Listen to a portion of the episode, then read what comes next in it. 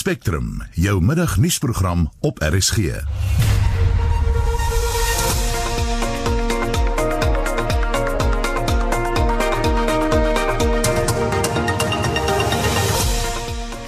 vandag se program protesaksie op Henneman teen die moord op 'n boer en sy seun. Adjunkoofregter Zondo ontken dat hy en oud-president Zuma 'n persoonlike verhouding het.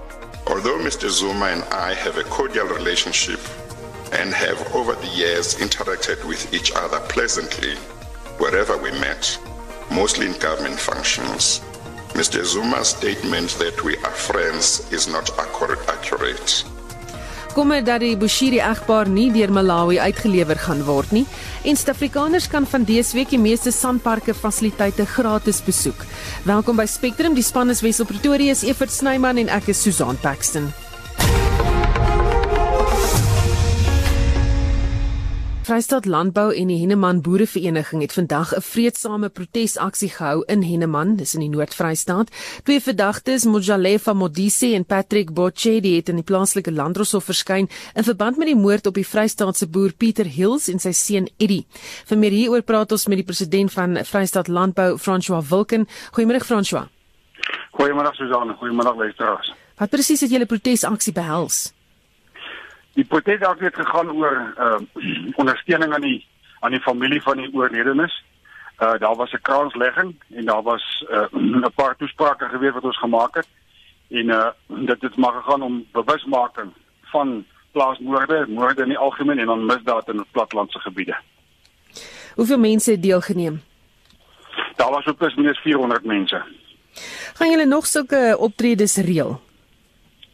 Ja, uh, Susan, ons gaan maar voortgaan daarmee wat ons nou mee besig is is uh is om ook in sulke gevalle uh, as 'n organisasie borg te opneem. Uh ons is ook betrokke by vee diefstal en daai tipe van goed uh gaan ons ook getuig in die howe vir uh, strafverswaring en ook om borg te opneem in al daai gevalle. En dan is daar 'n probleem in daardie gebied want kort na hierdie aanval in Henneman was daar ook 'n aanval in Orendalsrus.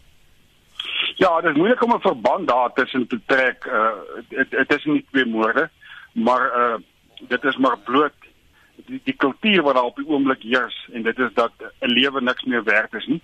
So ons as organisasie het besluit dat ons gaan uh voortgaan om bewusmaking nie net te, oor plaasmoorde nie, maar oor moorde en misdaad en korrupsie in die algemeen. So ons gaan dit nie net meer aanvaar as deel van ons lewe nie. Ons gaan nou definitief aksie neem daarteenoor. Ehm um, jy het vroeër genoem dat jy jy weet deel word van hierdie saak. Jy sal byvoorbeeld borg teen staan. Ehm um, het jy in hierdie geval dit gedoen en wat het gebeur in die hof? Ja, ons was gereed om borg teen te staan, maar blykbaar het die verdagtes nie uh, op hierdie stadium aansoek gedoen vir borg nie.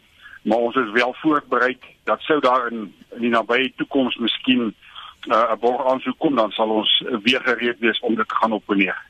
Baie dankie. Dit was François Wilken, die president van Vrystaat Landbou.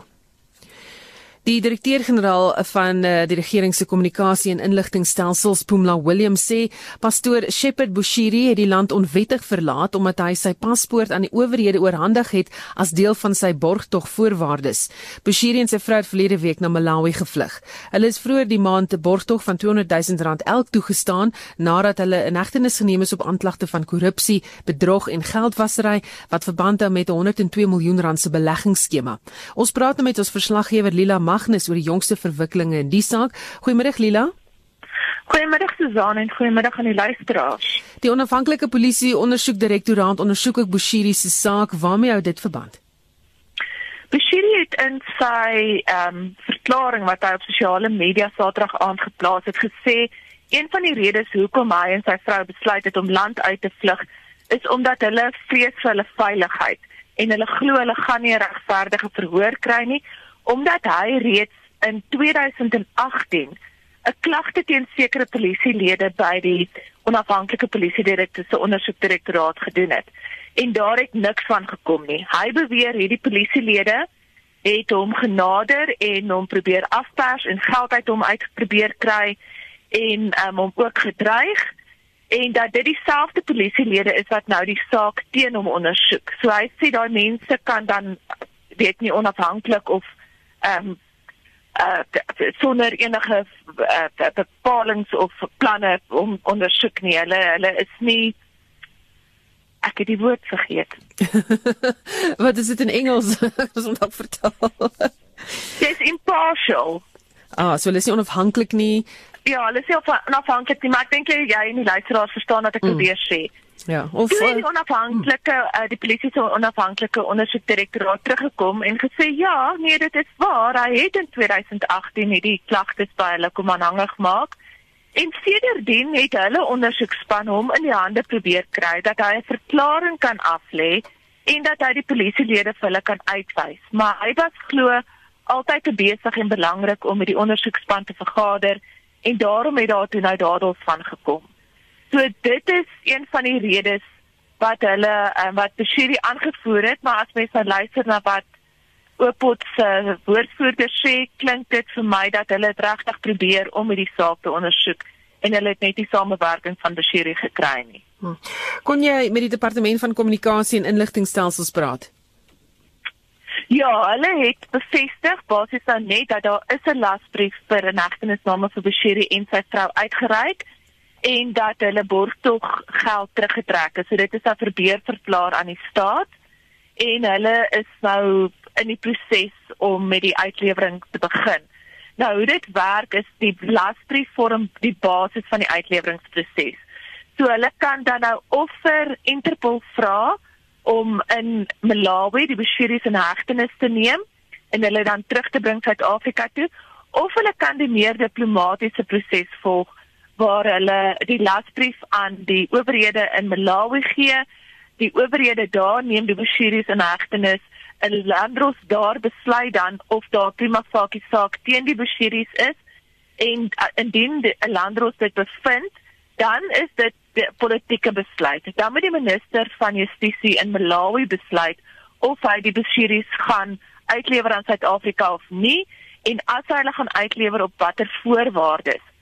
Nou Pumla Williams van ehm um, die regeringswoordvoerder het gesê hulle het 'n baie goeie uh, samewerkende ehm um, verhouding met Malawi en hulle kan nie hulle verwag nie dat Malawi probleme vir hulle sal verskaf nie. Maar- met die uitlewering nie. Wat kon jy nog uitvind? Wel, wat my baie interessant was, is dat die Bashiris het blykbaar uh, hulle het 'n regsbeen om op te staan dat hulle nie uitgelewer wil word of kan word nie. Um, ek het met 'n professor in regte gepraat wat gesê het omdat Suid-Afrika en Malawi altyd die protokol vir uitlewering onderteken het, beteken nie noodwendig dat hulle gebonde is daaraan nie. Volgens hom al die navorsing wat hy gedoen het, wys dit nie dat Suid-Afrika die protokol in sy eie regstelsel inkorporeer het nie. So dit is nie deel van ons reg noodwendig nie en dit is 'n punt wat die Bashiris kan gebruik om te sê weet dit is nie ons ons kan nie uitgelewer word nie want dit is nie deel van Suid-Afrika se se regstelsel nie. 'n Ander immigrasieadvokaat het gesê omdat die Bashiris beweer hulle gaan nie 'n uh, regverdige verhoor kry in Suid-Afrika nie, kan ook 'n punt wees waarop hulle kan sê maar hulle wil nie uitgelewer word. Baie dankie. Dit was ons verslaggewer in Pretoria, Lila Magnus en ons gaan daardie laaste punt van haar binnekort verder uh, ondersoek. Intussen die groot vraag in die Bashiri saak is hoe hy toegang gekry het tot 'n Malawiese diplomatieke paspoort. Die Afrika verslaggewer vir CNN, Nomsa Maseko sê vanuit Malawi dat die paspoort glo aan Bashiri toegestaan is deur die voormalige president van die land. Well, the people here in Malawi are actually willing to hear him out. Uh, most of them are saying that he should be given a chance to explain himself um, and give the reasons why he actually fled from justice in South Africa. We do know today that, um, as per the press conference that he held on um, Saturday night, that he said that he'd hand himself over, not really hand himself over, but he would have a meeting with the police and government um, officials today. But we're yet to find out the actual details because people um, uh, close to Bashiri are, are keeping a very tight lid on his movement today. But we are going to be following that to have a look at what exactly is it that Bushiri wants to say to the police here in Malawi and the type of um, the content perhaps of the uh, of the um, meeting that he wants to discuss with the uh, with his government here in Malawi. Maseko sê die Malawiese regering het bevestig dat die diplomatieke paspoort geldig is. Because I um, had an interview with uh, the country's um, um, uh, foreign affairs minister, Mr. Eisenhower Mkaka. I asked him about the disputed um, diplomatic passport, which was also part of the bail um, argument that was uh, heard in a South African court of law. And he told me that uh, Bushiri, uh, the, the, the diplomatic passport that Bushiri has, is actually not uh, fraudulent and that it was granted to him by the previous administration of Peter Mutharika. And I asked what conditions or criteria does one have to actually grant a diplomatic passport to a religious leader? Well, it turns out that the laws of Malawi actually allow that some religious leaders can be given diplomatic passports, and it was at the discretion of the former president, Peter Mutharika, that this diplomatic passport was granted. En dit was die Afrika verslaggewer vir CNN Nomsa Maseko. Ons bly by die storie. Prokureur en kenner in immigrasiewetgewing Gary Eisenberg sê die kanse is baie skraal dat Bushiri sal terugkeer na Suid-Afrika. Hy skryf dit toe aan korrupsie op eie bodem.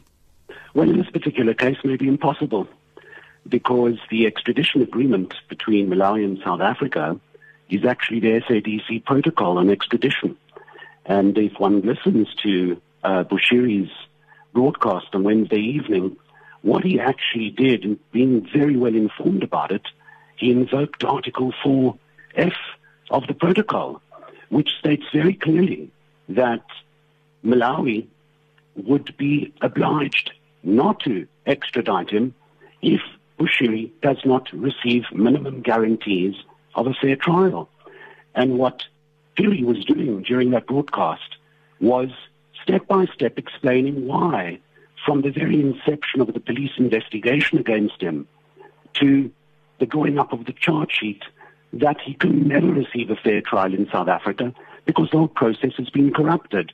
Now, what he did was, without actually mentioning the SADC protocol or its articles, he's in his rights. He went back to Malawi, and I think he has a case in point. Eisenberg sê deur die perskonferensie te hou en aantuigings van korrupsie te maak, het hy Suid-Afrika in 'n moeilike posisie geplaas om die teendeel te bewys. He went into great detail to explain that the policemen who were charged to investigate him are themselves corrupt. So how can you have an impartial trial, an impartial judge, if the very charge sheet uh, is uh, corrupted by corrupted police investigations? Those policemen, he said, tried to extort money from him a long time ago, and against whom, against some of these police, there are cases pending by him. There's a massive conflict of interest. So he is saying, I'm very Malawi because before I can ever be extradited to South Africa, I need these minimum guarantees. And the SADC protocol promises me these guarantees, and if I don't get them, then Malawi is obliged not to extradite me. And that's the position he finds himself in. Eisenberg sê die Malawiese regering se hande mag dalk heeltemal afgekap wees in die situasie. So what does that say about what the South African government is going to do? We can all laugh and point our fingers at Bushiri and say what the arrogant individual this is. But now this is the only possible place, Malawi, he could make these claims. And therefore, uh, you know, I don't know who his legal advisors are, but he's a very well-informed gentleman.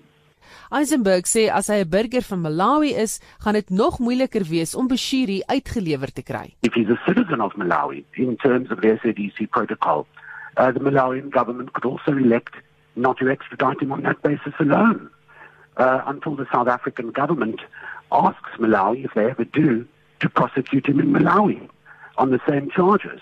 And if the charges are corrupt according to the justice officials in Malawi, then the Malawian government doesn't have to prosecute him there. So there are grounds in the protocol for refusing the extradition request South Africa may make. Simple as that. En dit was 'n prokureur wat spesialiseer in immigrasiewetgewing, Gary Eisenberg. 'n Dringende aansoek wat deur die skoolbeheerliggaam van die hoërskool Brackenfell in die EFF gebring is om EFF-lede te dwing om protesoptrede voor die hoërskool te beëindig, is vanoggend in die Hooggeregshof in Kaapstad uitgestel. 'n Gewelddadige onder ons het verlede week voor die skool uitgebreek tussen ouers en EFF-lede. Die EFF betoog oor beweringe van rasisme by die skool. Dit volg nadat matriekleerlinge van die skool 'n private funksie by 'n wynlandgoed bygewoon het waarin slegs uh, blanke leerders genooi is. Ons praat nou met ons verslaggewer in Kaapstad by die Hof Kobben August. Goeiemôre Kobben. Good afternoon. Die saak is verlede week ook uitgestel. Wat gaan aan? Wat het vandag gebeur? Yes, that is correct. Uh, last week, the case was postponed in order to give the EFF legal team time to prepare their submission and to uh, prepare their written replies in the, in the case. And today, the case was postponed to the 2nd of December. Uh, legal counsel were actually in court. The matter was actually uh, postponed in the judge's chambers.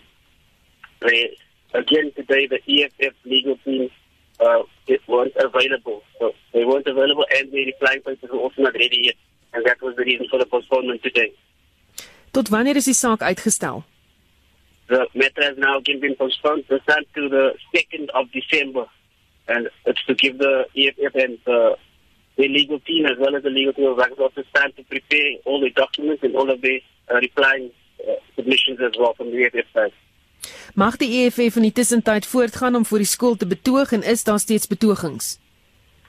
Well, according to the judge beside the the EFF are allowed to protest outside of the school, but they are not allowed to disrupt examinations at the school. So as long as they protest without disrupting or interfering with the learners at the school and don't interfere with the actual academic uh, studies and the exams, then they still allowed to uh, protest or gather outside of the school. That was according to Judge Desai. Uh, we visited the school today, there was uh, no sign of any EFF protesters. It was very peaceful outside the school. We, we saw uh, children walking out, finishing with their uh, exams, and we saw parents dropping off learners. So it was quite peaceful outside the school today. So no sign of any EFF uh, protest today. Baie dankie. Dit was ons verslaggewer by die Hooggeregshof in Kaapstad, Kobben August. Die minister van Gesondheid, Zweli Mkhize, het tydens 'n media-konferensie bekend gemaak dat die Oos-Kaap die meeste aktiewe gevalle van COVID-19 beleef. Die Wes-Kaap toon ook 'n drastiese toename in nuwe COVID-19 gevalle. Mkhize is egter van mening dat dit nog te vroeg is om te sê dat die tweede vlaag infeksies die land getref het. And about 17% in KwaZulu-Natal, about 16% in Western Cape, 14% in the Eastern Cape. And uh, the rest are below 10%, with the Free State at about 8%. It's important to just look at those figures because I think we entered the wave uh, with different numbers as well as at different times as different provinces. At this point, our total deaths have exceeded 20,000, which is 20,241. And then the case fatality rate stands at 2.7%, which is relatively comparable to what is happening in the whole world. The total recoveries are at 693, 467. That's equal to just about 40, uh, 92.3 or 0.4 percent, uh, which is a very uh, good recovery rate. And uh, as we see, the active cases are 37,000. Mkhize sê hy is baie tevrede met hoe die land die pandemie tot dusver bestuur het. We started around the 5th of March with our first patient. It uh, was positive. We've actually moved on now for 45 weeks. We're on week 45, and in the process, we've gone through all the stages. And at this point, we are at what we call level uh, at, uh, at, level one, uh, with a, a, lot of restrictions having been eased, and an effort to try and get to the normal, uh, as normal as possible of our daily lives and economic activities. That's the journey that South Africa has had. We also note that uh, the numbers started rising when we were at what was level, level four. They went up, but even more when we went to level three. That's when we experienced the surge from June to July. And therefore, uh, at that point, we started seeing uh, as the, the numbers also were declining.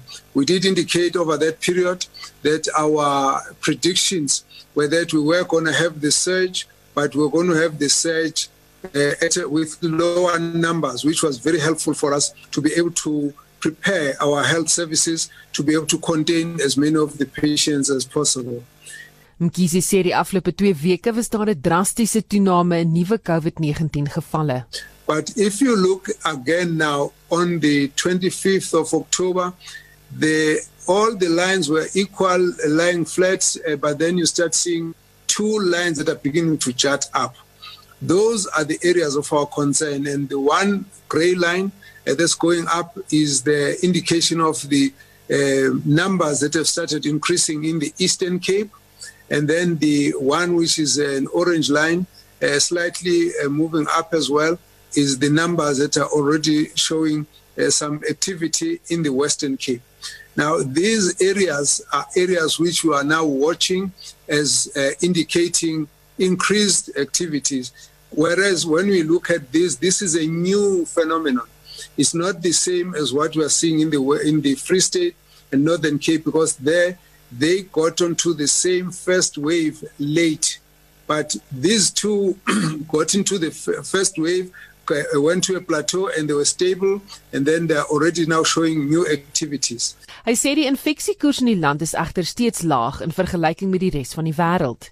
You may recall that way back in July, uh, as we're moving on to the peak, South Africa was recorded as number five in the world in terms of the highest number of positive uh, cases found.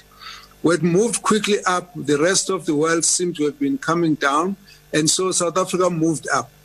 Then you will see that US uh, with 11 million, uh, India now at uh, almost 9 million, Brazil at 5.8, and France at 1.9, and Russia at 1.9. But South Africa has been pushed down. Three weeks ago, South Africa, South Africa was around number uh, 10, and then of course you see that uh, it has now been overtaken by Spain, UK, Argentina, Colombia, Italy, etc. And now we're at number 15. And if you look at Poland at number 16, with the numbers that they were showing of new cases in 24 hours, uh, within a few days we might end up being number 16.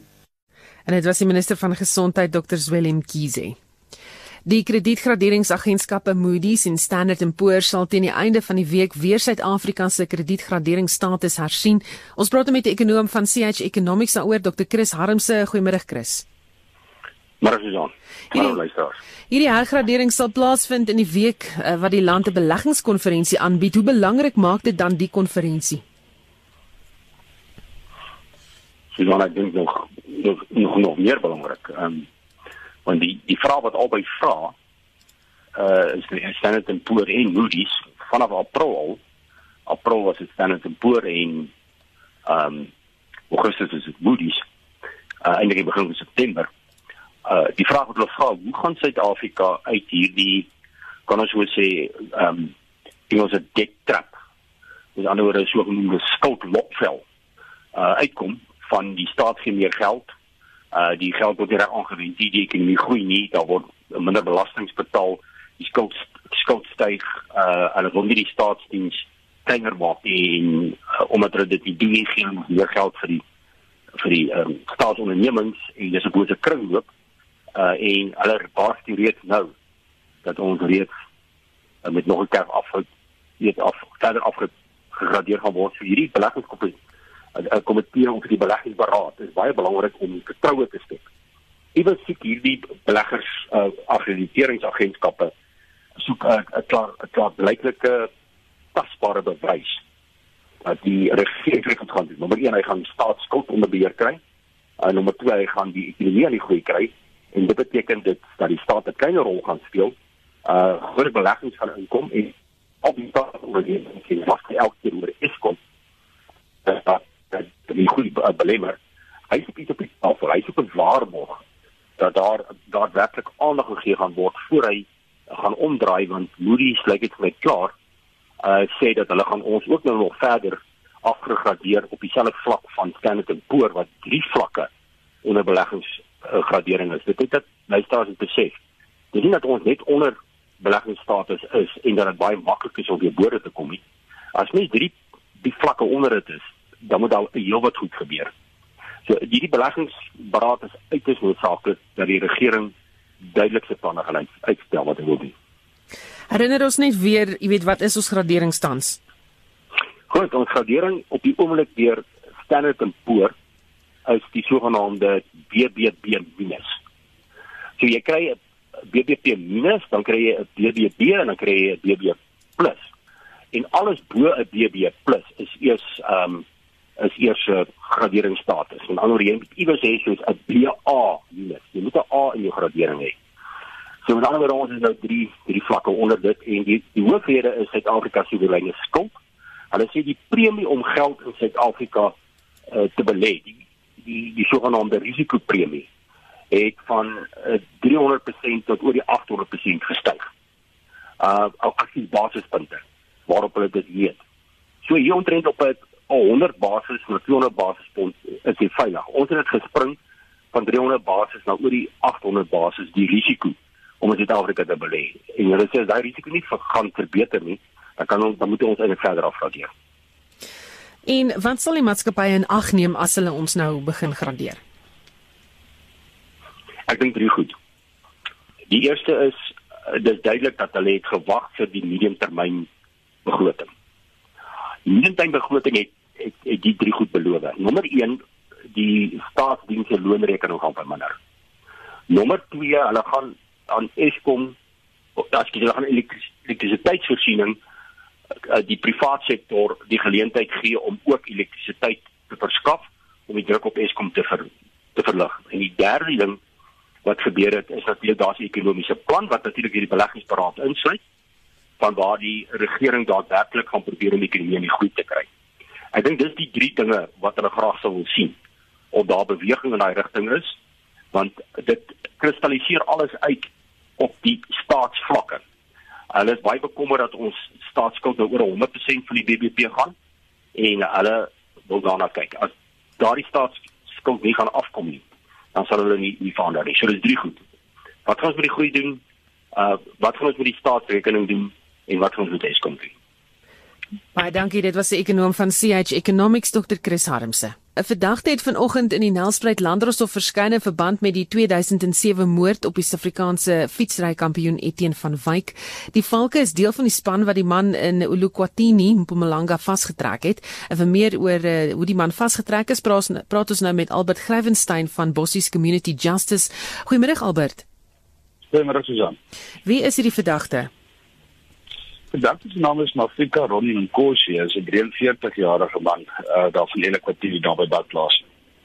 En hoe is hy na 13 jaar gevang? Uh, so dan dit is um, ek sou graag wil gekeniet gevat het daarvoor maar ek het sê dit is uh, die is uitstekende werk vir ons polisie. Ehm um, hulle het die verdagtes gearresteer na op na hulle opgespoor is nadat forensiese leidrade wat uh, onlangs gekom is om uh, geïdentifiseer het en na dit hy om te gearresteer het by die kwartier se werk. Waarvan is hy vandag in die hof aangekla? Ons spreekklagte is natuurlik het vertoon ook sit is die eerste is huisbraak en looflik verswarende omstandighede en dan die tweede saak van moord. Hm. En uh, jy weet jy was nou deel van hierdie ondersoek dink jy daar's 'n sterk saak teen hom? Daar's verseker 'n baie sterk saak teen hom waar dit uh, baie wat vir die saak seker dit sou baie goed verloop. Baie dankie, dit was Albert Grywenstein van Bossies Community Justice. Adjunk hoofregter Raymond Zondo ontken dat hy en oud-president Jacob Zuma 'n persoonlike verhouding het. Hy het die verklaring gemaak na Zuma vanoggend by die Zondo-kommissie wat staatskaping ondersoek opgedaag het. Zuma se regspan eis dat Zondo hom aan of eerder hom aan die kommissie onttrek omdat Zondo en Zuma persoonlike verhouding sou hê. Justin Kennedy hou die saak vir ons dop en ons praat nou met hom. Goeiemôre Justin. Middag Susan. Wat het Zondo oor sy verhouding met Zuma gesê? Was Zondo het vanoggend uh, sy verrigtinge begin deur 'n verklaring te maak oor sy verhouding met Zuma. Nou Zondo sê Zuma het nooit 'n invloed op sy reg regsuitsprake of loopbaan gehad nie. Volgens Zondo het hy aan die begin van sy loopbaan 'n paar vergaderings met Zuma gehad as deel van sy werk as prokureur en ondersteuner van die ANC. Hy het egter nooit 'n hegte vriendskap met Zuma gehad nie en Zuma is nie na sy familiefunksies genooi nie. Although Mr. Zuma and I have a cordial relationship and have over the years interacted with each other pleasantly wherever we met, mostly in government functions, Mr. Zuma's statement that we are friends is not accurate. Mr. Zuma has never been to any of the houses in which I have lived with my family since the early 1990s, and I've never invited him. He only met my wife at the opening of parliament or other government function. Mr. Zuma and I do not socialize and have never socialized together. Zondo het ook uitgebrei oor hofsaake wat hy as regter aangehoor het waarin Zuma of sy familie betrokke was. Mr. Zuma says the personal relationship between the two of us is such that I should have declined my appointment as chairperson of the commission and that it renders me biased against him. In 2011, as a judge of the High Court in Pretoria, I had an application concerning a contested mining right where one of the contesting companies belonged in part to Mr. Duduzane Zuma, Mr. Jacob Zuma's son. I had full argument in that matter and gave judgment against, among others, the company in which Mr. Duduzane Zuma had an interest. There was never a complaint that I should have recused myself in that matter or that I had found against Mr. Duduzane Zuma's company because I was biased against Mr. Zuma's family.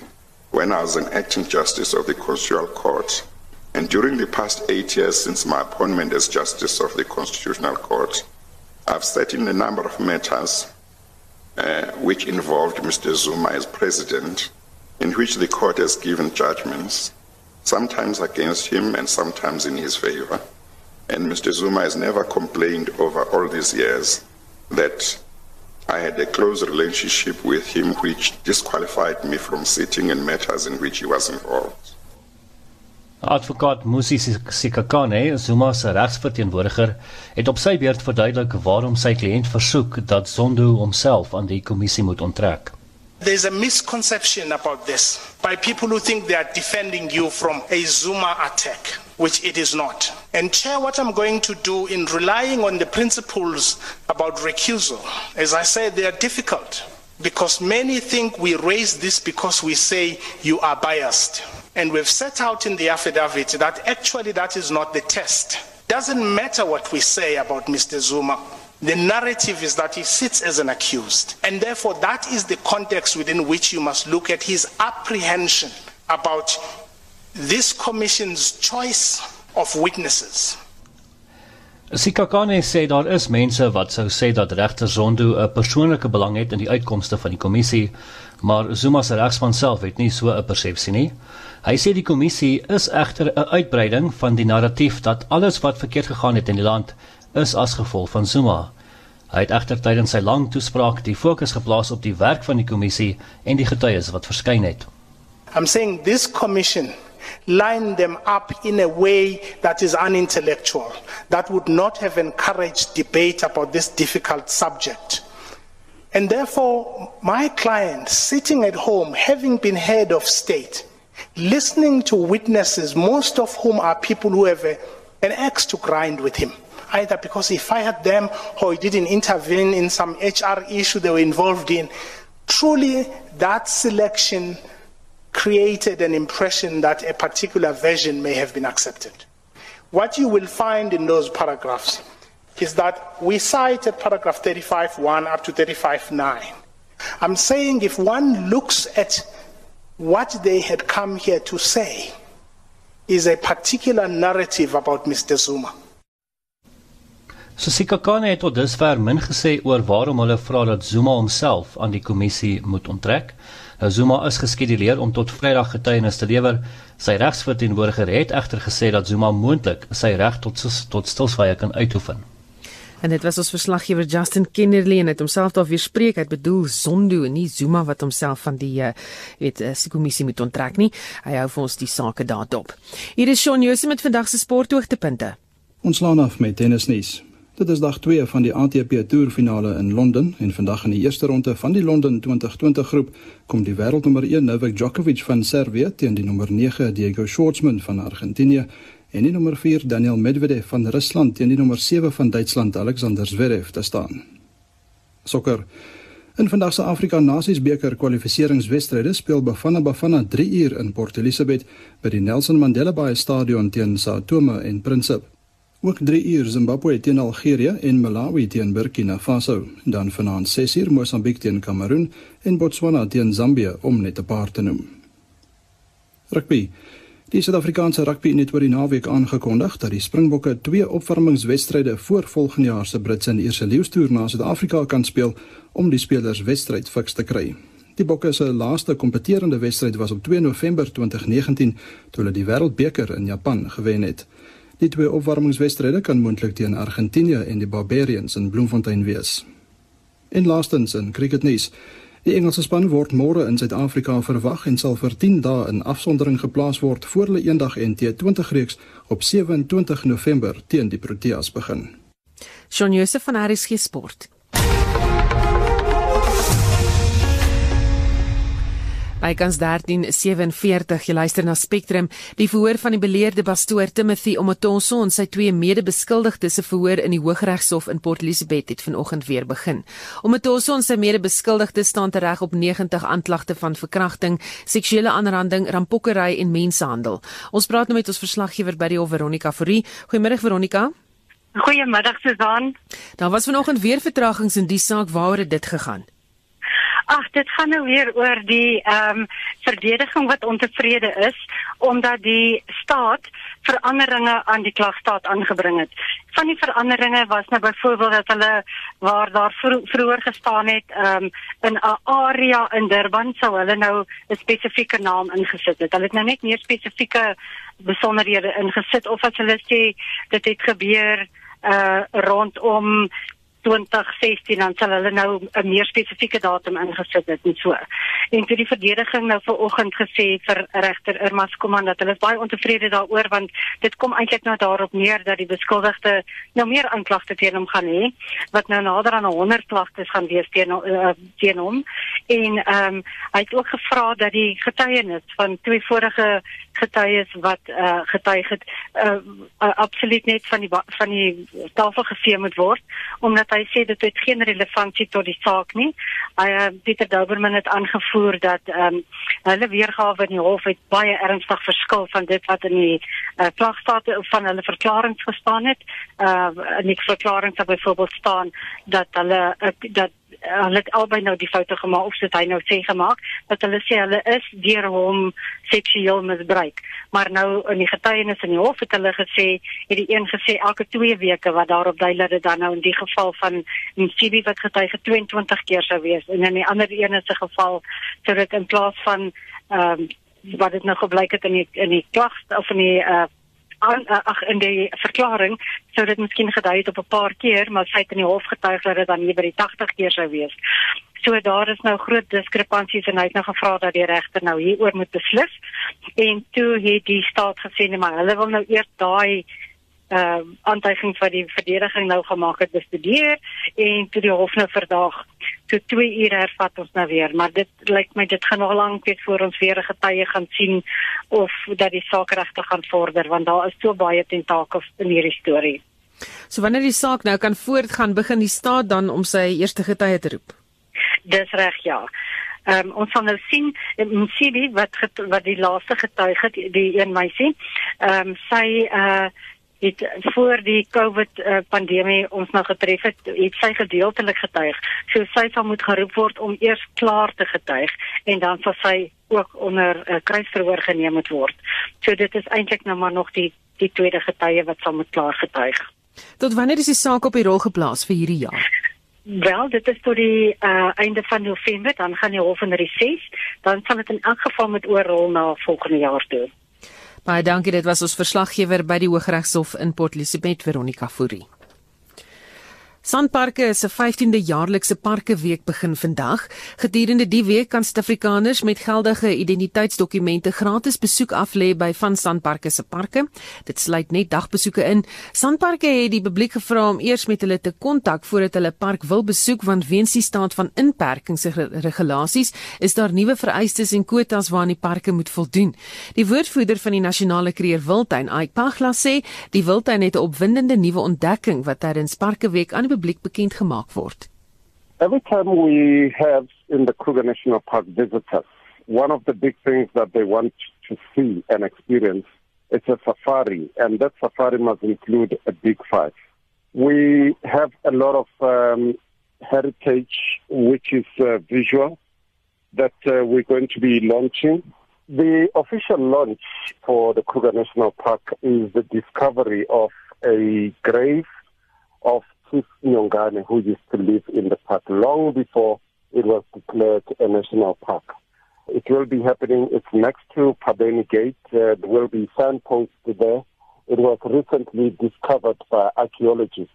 And one of the things that we've realized is that people don't really follow that we have quite a lot of uh, similar heritage across the Kruger National Park. And it's something that maybe in the future people can factor into their itineraries when they come and visit. Pagla sê met die hulp van die ereveldwagters van die Wildtuin sal die erfenisgebied behoue bly. The great site was discovered some years back, but information had to go and be researched and to be certain that this was the right site of the grave of Chief Nyongana. Once that was established, it was then found that uh, most of his cattle and oxen, they were slaughtered during the removal out of the park, and there was a mass grave of those domestic animals. So it's the site where his uh, grave is, and then there is a site where those animals were slaughtered and were given a mass grave. We spoke to our SunParks honorary rangers colleagues uh, to organize funds for us to secure the site and to be able to signpost. And that is what we are going to be launching. They did a wonderful job. They raised money and the place is secure and it's now going to be open for visitors to come through. En dit was die woordvoerder van die nasionale kreer Wildtuin Ike Pagla. Die DA in die Vrystaat sê hy wil meer inligting van die premier bekom oor die aard van die ondersteuning wat aan boere gegee sal word na die onlangse vernietigende veldbrande. Die regering het Vrydag in die staatskoerant dele in die provinsie tot rampgebied verklaar en ons praat nou met die DA leier in die provinsie Dr. Royal Jankelson. Goeiemiddag Roy lyk like vir my ons het hom daar vir 'n oomblik verloor en uh, dit is natuurlik Dr Roy Jankelson. Hy is die leier uh, van die DA in die Vrystaat en ons moet hom gesels oor uh, die uh, die regering wat Vrydag in die staatskoerant dele in die provinsie tot rampgebied verklaar het en ons gee net daar vir uh, Wessel 'n kansie om hom vir ons weer terug daar op die lyn te kry. Laat ons kan uh, hoor presies, uh, jy weet wat is die aard van die ondersteuning wat aan die boere gegee sal word. Daar sê Roy is jy daar? Ja, goeiemôre Susan. Goeiemiddag. Gee net weer vir ons die statistiek hoeveel hektaar het afgebrand. In hierdie spesifieke brand in die Wes-Vrystaat wat verlede maand plaasgevind het, is daar so 100 000 hektaar se weiden wat deur die boere verloor is, maar tussen 2014 en 2019 het ons in die Vrystaat ongeveer 1.4 miljoen hektaar verloor. So dit is iets wat elke jaar gebeur en ons behoort van die regering se kant af voorsiening te maak vir dit. Hoeveel inligting is bekend oor die omvang van die rampondersteuning? Op hierdie stadium weet ons dat die premier die 13de November die Wes-Vrystaat daai gebiede wat groot skade gelei het as 'n rampgebied verklaar het. So dit is gegeset en ek het vandag vra ingedien deur die wetgewer om presies uit te vind wat se titel hulp beskikbaar gaan wees, wat die bedrag geld is, wie die hulp gaan kry en in watter vorm hierdie hulp gaan wees. Wanneer verwag jy 'n antwoord? Hulle het binne die wetgewer se strukture 10 dae om ons te antwoord. Ek hoop om binne daai tydperk 'n antwoord te kry. Die groot probleem is indien daar 'n uh, 'n gebied as 'n rampgebied verklaar word, dan is daar administratiewe proses en 'n wetgewende proses wat gevolg word deur die Gazet. En ons het al 'n paar keer gevra oor oor 'n aantal jare dat die regering fondse beskikbaar maak vir onmiddellike hulp. Ons boere op die grond het onmiddellike vee uh, vee um, veevoer nodig. Hulle het staats en vee en die staats um veeartse nodig om hulle te ondersteun. Ons kan nie maande wag om daai hulp by ons boere te kry nie. Ehm um, daar's daar's vee, daar's wild wat gevoer moet word en hulle kan nie wag nie. Hulle het onmiddellike hulp nodig indien so ramp plaasvind. Baie dankie. Dit was die DA leier in die Vrystaat, Dr. Royal Roy Jankelson.